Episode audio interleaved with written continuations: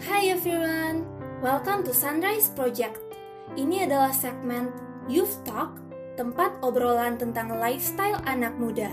Di sini kita akan membahas pertanyaan-pertanyaan seperti tujuan dan pilihan hidup, pendidikan, pekerjaan, kesehatan jasmani dan mental, dan masih banyak lagi.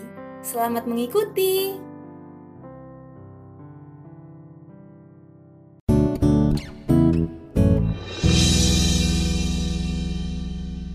Diet aja kamu, soalnya udah overweight. Hai guys, kembali lagi bersama kita di segmen Youth Talk. Nah, kali ini kita punya bintang tamu yaitu Karin. Hai Karin. Nah, di sini Karin akan uh, membagikan pengalamannya Karin, ceritanya Karin, yaitu bagaimana Karin menurunkan berat badan 20 kg. Nah, aku penasaran banget nih gimana caranya. Kita langsung aja mendengar ceritanya Karin. Gimana Karin awal mulainya berpikiran atau pengen untuk menurunkan berat badan gitu? Jadi awalnya itu bermula dari kelas 4 SD, aku itu waktu itu pindahan dari Jombang. Ya, awalnya itu aku pikir semuanya bakal normal-normal aja, bakalan kayak fine-fine aja, ya udah jalan aja waktu itu kan aku memang sudah agak gemuk. Tapi yang awalnya oke-oke aja itu kayak kok jadi gini gitu loh. Itu seperti apa ceritanya? Jadi waktu itu uh, ada cek kesehatan berat badan dan pas dicek berat badannya waktu itu kelas 4, 4 SD ya itu aku beratnya udah 4 uh, eh, sorry 60 kilogram Bayangin coba, misalnya anak-anak seumur aku nggak mungkin ya sampai 60 kg. Mungkin ada yang lebih berat, cuma waktu itu aku sudah tergolong overweight ya. Pas kelas 5 SD, pas dicek lagi berat badannya, kan setiap tahun ada tuh cek berat badan. Dan ternyata naik lagi, udah 65 kilograman. Terus aku kayak, aku rasanya makan biasa aja kok naik terus gitu. Mungkin ya aku nggak sadar waktu itu. Merasa ya biasa-biasa aja. Habis itu aku mulai kehilangan kepercayaan diriku. Soalnya udah mulai bully-bully. Anak-anak udah tahu-tahu bully gitu. Terus pas kelas 6 itu puncaknya. Kenapa? Pas terakhir kali diperiksa itu yang aku paling ingat 72,5 kg. Naik sekitar uh, 10-10 gitu ya setiap setiap tahunnya 10 kg setiap uh, tahunnya. Terus aku tuh kaget loh ternyata sudah naik jadi 72,5 kg gitu. Itu hati aku itu kayak hancur banget. Masa harus diet sih di umur masih anak-anak gitu. Ada yang bilang eh diet aja kamu soalnya udah overweight kelas 4 SD masa beratnya segitu? Ada juga yang bilang nggak usah masih masa pertumbuhan masih anak-anak gitu tapi apa pun yang mereka bilang itu kayak bikin aku tambah stres makin depresi makin kesel dan itu udah berlangsung selama sekitar uh, tiga tahun. Mereka kayak bully-bully aku terus gitu jadi pas kelas 6 kan itu aku dibully terus tuh. Dibully terus. Tapi aku nggak mau balas. Nah pernah sih waktu aku balas teman aku. Karena waktu itu sudah hancur banget. Kayak mereka tega-teganya sih ngomong gitu sama aku. Tapi sudah baik kan waktu itu. Sudah selesai masalahnya gitu. Tapi kar aku mikirkan mereka ini kok teman aku sendiri sahabat aku sendiri. Tega-teganya ngomong gitu kan. Ya mereka sebut coba bayangin. Aku tuh kayak disebut semua cewek lah, sapi betina lah, atau gajah. Ya, perasaan orang tuh kalau dibilangin apalagi sama sahabatnya sendiri pasti sakit banget kan waktu itu. Mungkin aku belum mengalami secara langsung gitu ya, tapi aku sering banget uh, melihat teman-teman aku atau bahkan keluargaku juga gitu ya, atau orang yang aku kenal gitu, masih anak-anak, masih muda, uh, dulu waktu uh, semuran sama aku gitu ya, uh, memang punya berat badan yang berlebihan tapi mereka malah dikata-katain sama orang yang di dekat mereka kayak teman bahkan keluarga gitu ngata-ngatain mereka. Nah padahal itu kan apa ya uh, harusnya tuh nggak seperti itu.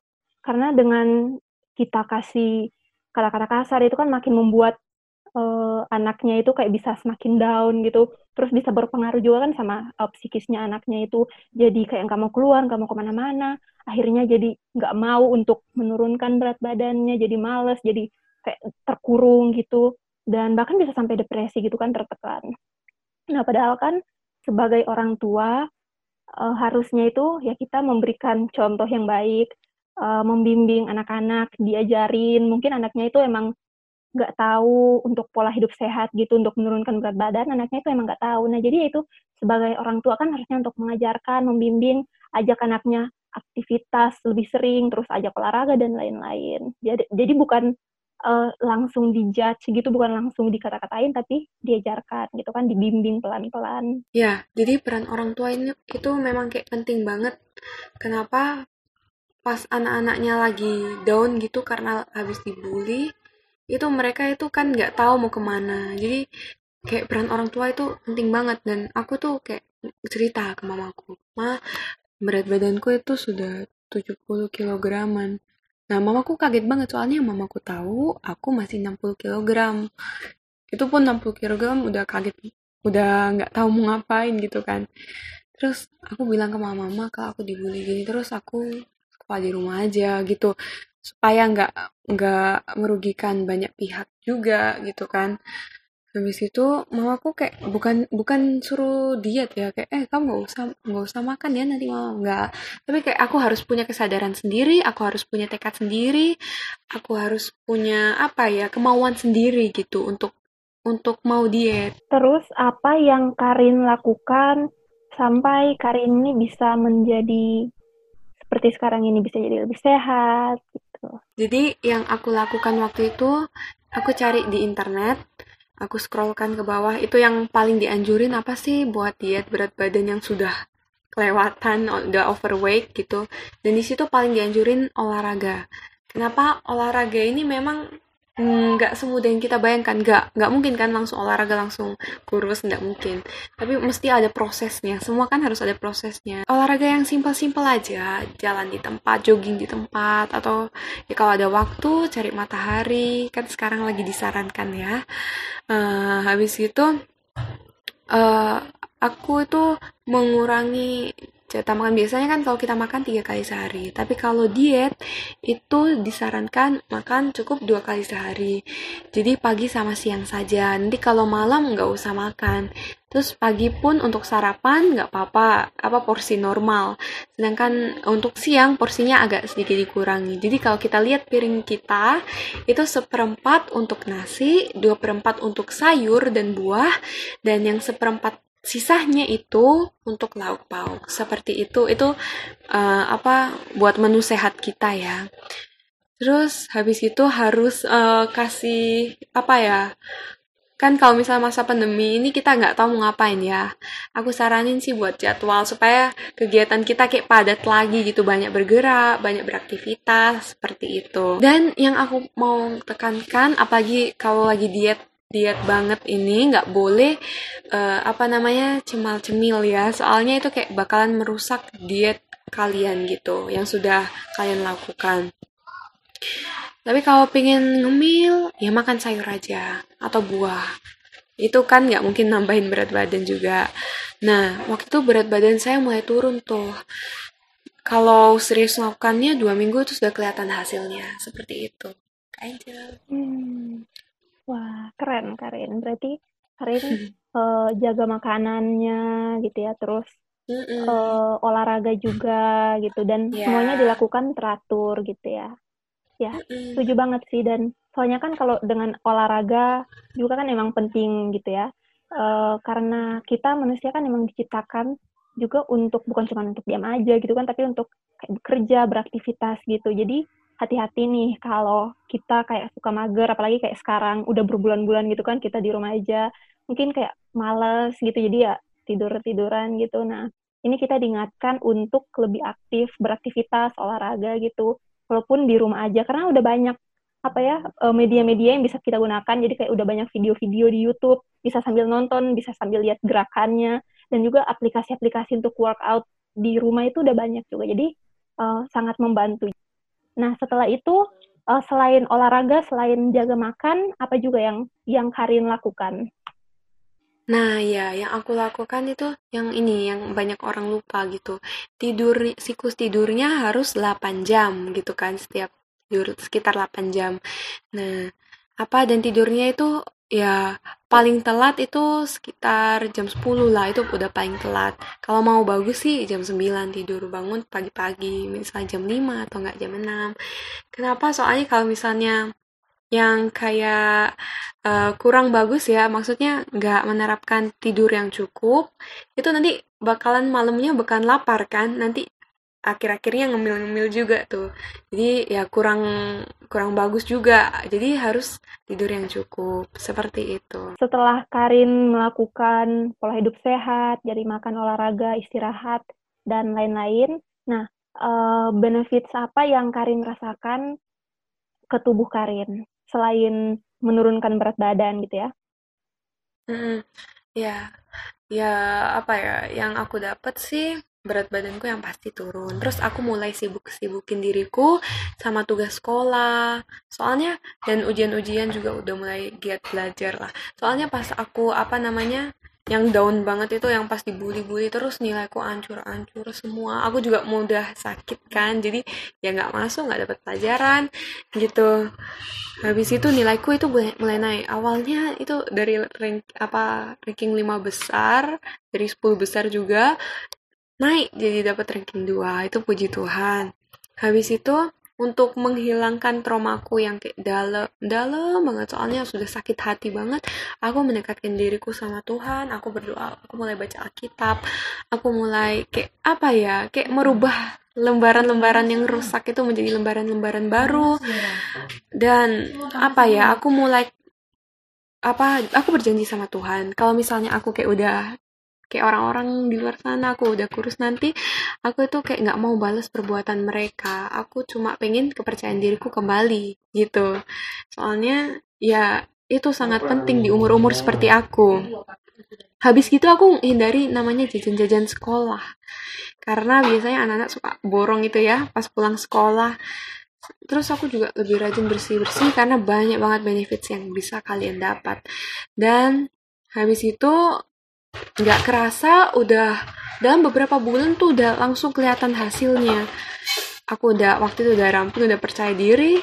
Habis itu mereka bertanya-tanya loh ini Karin ya? Bukannya dulu berat badannya itu ah sampai overweight? Mereka bilang dulu bukannya gendut ya? Kok bisa sekarang kayak udah beda banget? Ya aku bilang ya puji Tuhan gitu. Dan setiap hari yang aku lalui kan biasanya aku kayak takut-takut setiap hari aku mesti survive. Aku mulai merasa wah ini hari yang indah. Aku kayak mulai merasa bersyukur. Ya aku mulai ramah sama orang. Aku mulai memotivasi juga ke orang anak-anak di luar sana yang apa punya masalah problem yang sama kayak aku gitu. Habis itu uh, abis aku sudah motivasi mereka juga, aku lebih berhati-hati makan. Soalnya di tengah COVID ini kan nggak tahu mau ngapain ya. Ya kita, ya tadi yang aku udah kasih tahu sama kalian sebelumnya, bikinlah jadwal. Soalnya kalau dengan bikin jadwal itu kayak kita terarahkan oh ini habis ini aku harus olahraga habis ini harus makan habis ini harus uh, belajar atau bekerja seperti itu ya banyak hal positif sih yang aku dapat. Dan ya ini sih ceritaku. Ya aku yakin kalian punya cerita kalian masing-masing. Dan aku mau kasih tahu kalian nggak perlu jadi orang lain. Soalnya ada yang pengen kayak ah, aku pengen banget jadi kayak artis ini atau artis itu. Nggak nggak perlu. Kita jadi diri kita harus cukup bangga sama diri kita sendiri. Karena aku yakin Tuhan sudah menciptakan kita masing-masing menurut jalannya. Seperti itu Wah, keren-keren. Ya, nanti kita akan tampilkan fotonya Karin sebelum dan sesudah melakukan pola hidup sehat ya.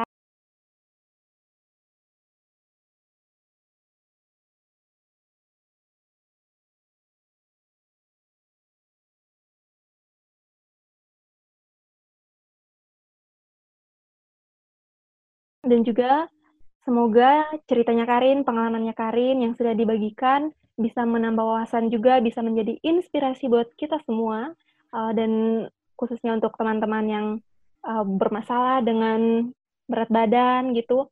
Uh, jika ingin melakukan diet, maka lakukan diet dengan cara yang benar, dengan cara yang sehat juga. Dan setelah itu, maka dipertahankan dengan pola hidup sehat. Ya, jadi dan juga untuk pola hidup sehat itu bukan hanya makanan aja yang dijaga ya, tapi uh, minumnya juga cukup, istirahatnya juga cukup, seperti yang tadi Karin sudah bilang, terus olahraganya teratur, aktivitas fisik, dan penting juga untuk menjaga kesehatan pikiran kita, supaya tetap berpikir positif gitu ya. Dan uh, yang tidak kalah penting yaitu kita tetap percaya kepada Tuhan. Nah, dan banyak orang yang tidak terbiasa untuk melakukan pola hidup sehat gitu akan sulit juga untuk menjalankan hidup sehat gitu ya.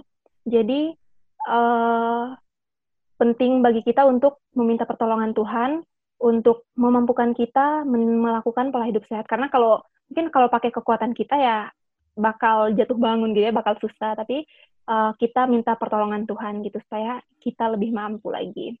Nah dan juga sebenarnya untuk melakukan pola hidup sehat seperti yang sudah uh, dibagikan tadi sama Karin bukan hanya untuk orang-orang yang punya masalah berat badan aja atau bukan untuk kepentingan diet aja, tetapi untuk kita semua juga perlu untuk melakukannya karena uh, bisa membuat kita menjadi lebih sehat lagi gitu ya. Dan dengan begitu kita bisa terhindar dari banyak penyakit. Uh, kita juga bisa mempersembahkan tubuh kita sebagai persembahan yang hidup kepada Tuhan.